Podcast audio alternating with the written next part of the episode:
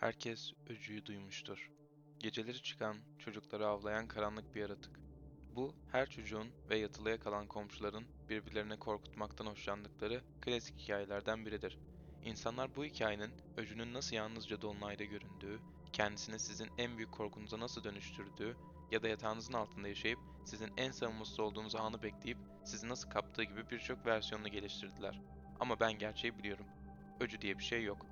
Hayır, sadece çok daha farklı olanı var.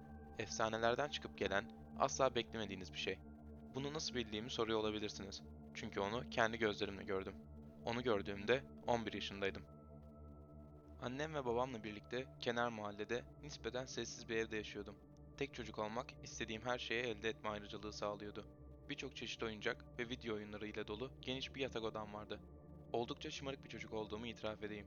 Haftalar geçtikçe odamdaki boşluk yavaşça azaldı ve ebeveynlerim bütün ıvır zıvırlarımı bir yere stoklamam gerektiğine karar verdiler. Ben onu görmeden birkaç hafta önce kadar ebeveynlerim eski ikinci el bir dolap buldular ve odama çok güzel uyacağına karar verdiler. 11 yaşında olduğumdan dolap hakkında pek bir şey düşünmüyordum ve istedikleri gibi temizleyip odama yerleştirmelerine izin verdim. Anormal bir şey yaşanmadan birkaç gün geçti. Zaman zaman arkadaşlarımla görüştüm, bunun dışında ise kendimi oyunlar oynayarak meşgul ettim. Günler haftalara dönüştü ve çok geçmeden dolabım ıvır zıvırlarımla doldu. Toz ve örümcek ağları tepesini kapladı, ısırık izleri kapıyı çevreledi ve bir köşesi arkadaşlarımın dikkatsizliği yüzünden ufalandı. İkinci el dolap eskiden de eski gözükse de odamda geçirdiği birkaç hafta içerisinde çok daha hızlı yaşlandı. Geriye dönüp baktığımda o dolapta hissettiğim küçük bir şey hep vardı. O dolaba her yaklaştığımda kötü bir ürperti hissederdim.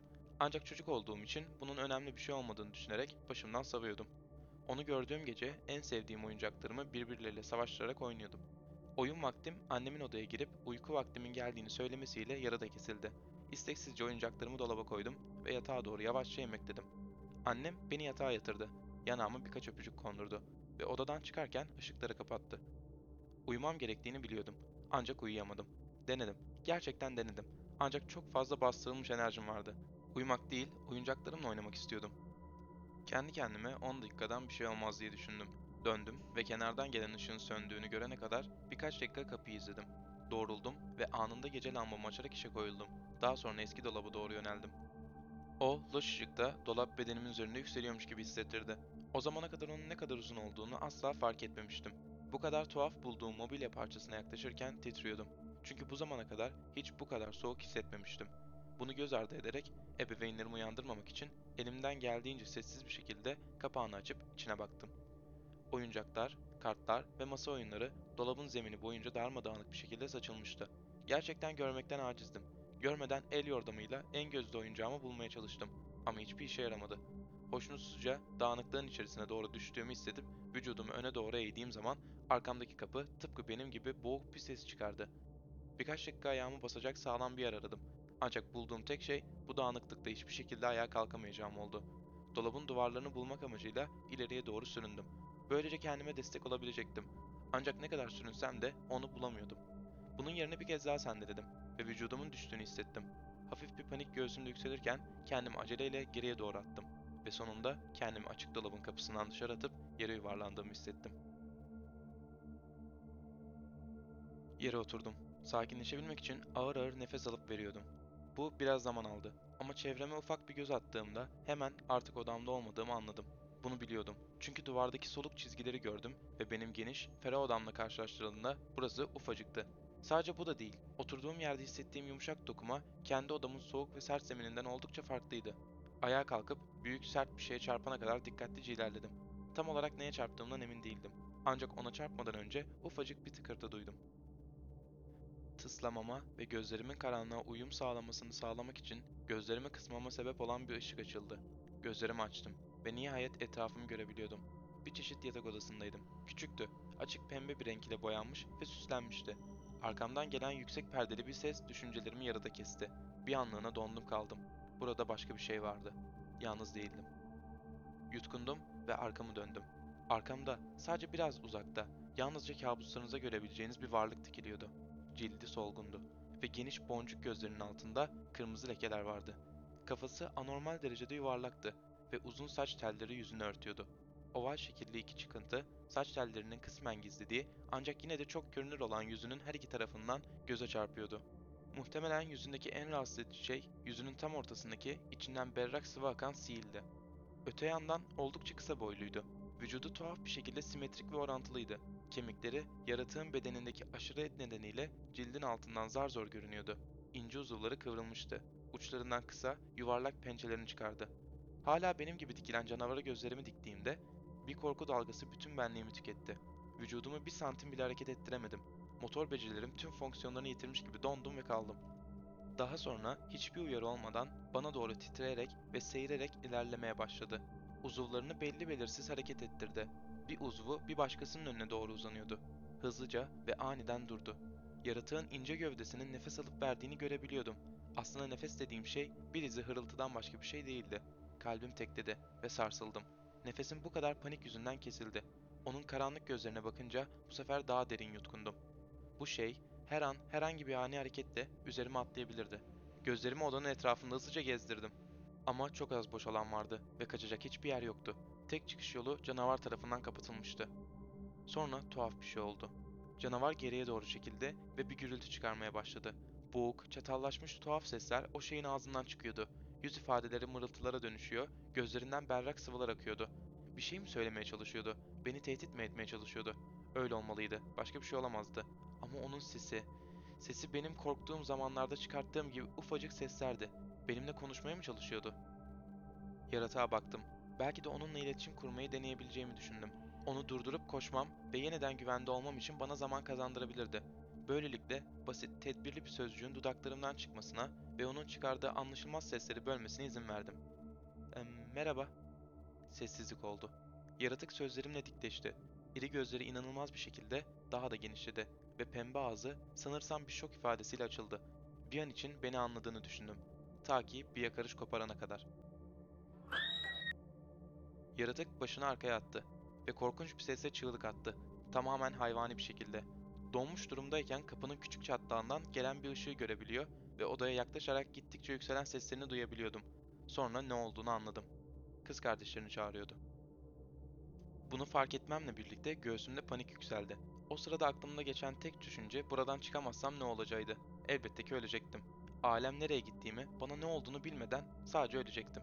Gürültü gittikçe yaklaşıyordu ve daha da yakınıma gelen diğer yaratıkların seslerini duymaya başlamıştım. Sesleri önümde duran yaratıktan daha derin ve daha az tizdi ama yine de kemiklerimde titremeye neden olmuştu. Kaçmalıydım. Ama nasıl? Yaratığın arkasına baktım ve yeterince emin oldum. Benim dolabımın tıpkısının aynısı pembe duvarların karşısında duruyordu. Adrenalin tüm bedenimi sardı ve aniden bacaklarımın kontrolünü geri kazanarak bir hamle yaptım. Beceriksizce yaratığa yaklaşmaktan kaçınarak onu geçtim ve tanıdık ahşap dolaba yöneldim. Kulpu kavradım ve var gücümle dolabın kapağını açmaya çalıştım. Açınca kendimi içeri attım ve hiç beklemeden kapıyı sertçe kapatacaktım ki çıkacak olan sesin yaratıklara nerede olduğumu belli edeceğini fark ettim. Kendime doğru kıvrıldım ve olabildiğince sabit durdum. Mümkün olduğu kadar sessiz. Kapının ince aralığından canavarın sadece arkasını görebiliyordum. Yüzü görünmüyordu. Kız kardeşlerinden gelen gürültü kesilmişti ama artık onların sesini daha net duyabiliyordum ve geldiklerini benim göremediğim bir yerde durduklarını biliyordum. Boğuk sesler bir süre için duyabildiğim tek şeydi. Yeni bir figürün görüş alanıma girmesi ve yeni bir korku dalgasının beni sarsmasından önce. Bu şey kocamandı. Ağlayan yaratığın tam teşekküllü hali gibiydi. Gelişmiş versiyonu. Daha küçük yaratığa doğru eğildi. Ağzından kısık, yatıştırıcı gibi sesler çıktı ve işe yaramış gibi görünüyordu. Çünkü küçük yaratık yavaş yavaş sakinleşti. Dolap kapağının arkasında göremediğim bölgeden daha da derin bir ses yükseldi. Küçük yaratık cevap verdi. Ağzından anlaşılmaz sesler çıktı. Beni daha da korkutmaya çalışır gibi. Uzuvlarını benim bulunduğum yönde uzattı. Tam da saklandığım yere doğru. Daha büyük bir yaratığın bana doğru adım attığını gördüm ve aceleyle geri çekildim. Sertçe yutkundum. Görüşümdeki bulanıklığın yok olmasını diledim ama olmadı. Gözlerimi kapatıp gidebildiğim kadar geri gittim. Kendimi en kötüsüne hazırladım. Geriye doğru emekleyip durdum. Işığın içeri girmemesi ve beni onlara göstermemesi için bekledim. Ama ne yazık ki girdi. Aynı anda sırtımın birkaç küçük şeye çarptığını hissettim. Korkuyla kurtulmaya çalıştım ve onları geri ittim. Takırdama sesleri geldi. Sonra bir şeye, sanırım dolabın kapağına çarptığımı hissettim ve geriye doğru takla attım. Dağınık oyuncakların üstünde acı verici bir şekilde düştüm ve sonunda karanlık dolaptan dışarı yuvarlandım. Uzun bir süre için orada cenin pozisyonunda hareket etmeye isteksiz bir şekilde yattım. Kendime sıkıca sarıldım ve kollarımla titrememi durdurmamı sağlamaya çalıştım. Ama pek de işe yaramadı. Sonra sonunda gözlerimden birini açmaya karar verdim. Ben. Dönmüştüm. Odamdaydım. Sonunda. İnanamıyordum. Gittiğimden beri hiçbir şey değişmemişti. Etrafımda dağılmış olan oyuncaklarım hariç. Dolabın kapakları kapalıydı. Ve sonra o an düşünebildiğim tek şeyi yaptım. Çığlık attım. Ne zamandır çığlık attığımı bilmiyordum. Ama tek bildiğim sesimin çatlamaya başladığıydı. Ve daha fazla yaşadığım bu korkunun ve acının gözyaşlarını tutamayacaktım. Ebeveynlerimin odama geliş seslerini ya da telaşla bana seslenmelerini duyamayacak kadar kendimden geçmiştim. Işıkların açıldığını da fark etmemiştim. Başımı sadece annem yatıştırıcı ve yumuşak üç kolunu bana sarınca çıkarttım ve onun kemikli göğsüne yasladım. Tatlım sorun ne? Hadi sorunun ne olduğunu annene söyle. Dolap. Fısıldadım ve bir kolumla da dolabı işaret ettim. Annem de babam da sekiz tane kırmızı, parlak gözlerini birbirlerine çevirdiler. Sonra dolaba. Sonra da tekrar bana. İlk konuşan annem oldu. Tatlım, dolaba ne olmuş? Mırıldandım. Canavar. Başımı onun göğsündeki kemiklerine daha da derine ittim. Annemin babama bir şeyler fısıldadığını duydum ama tam olarak ne dediklerini anlamadım. İnce, pençeli bir elin sırtımı sıvazladığını hissettim. Annem bana sakinleştirici bir sesle fısıldadı. Baban dolaba bakacak, tamam mı? Hayır demek istedim. Babama çok geç olmadan durmasını söylemek istedim ama yapamadım. Sözcükler kelimenin tam anlamıyla boğazımda solup gitti. Gözlerimden üçünü açmaya cesaret ettim ve onu izledim.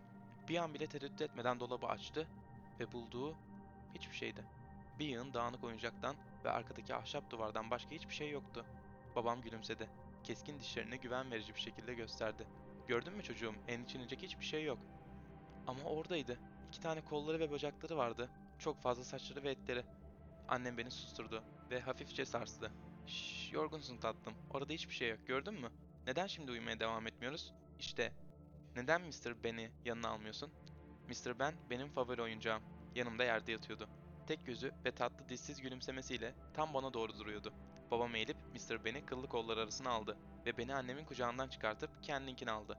Yatağıma doğru yavaşça yürüdü ve oturdu. Beni ve Mr. Ben'i yatağa soktu ve alnıma bir öpücük kondurdu.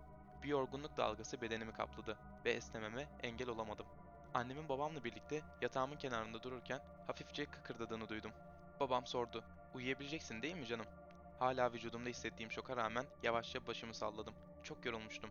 Artık oynamak istemiyordum. Sadece uyumak istiyordum. Uyumak ve bu olay hiç olmamış gibi davranmak. Bilincim kapanmadan önce son duyduğum şey babamın fısıltısıydı.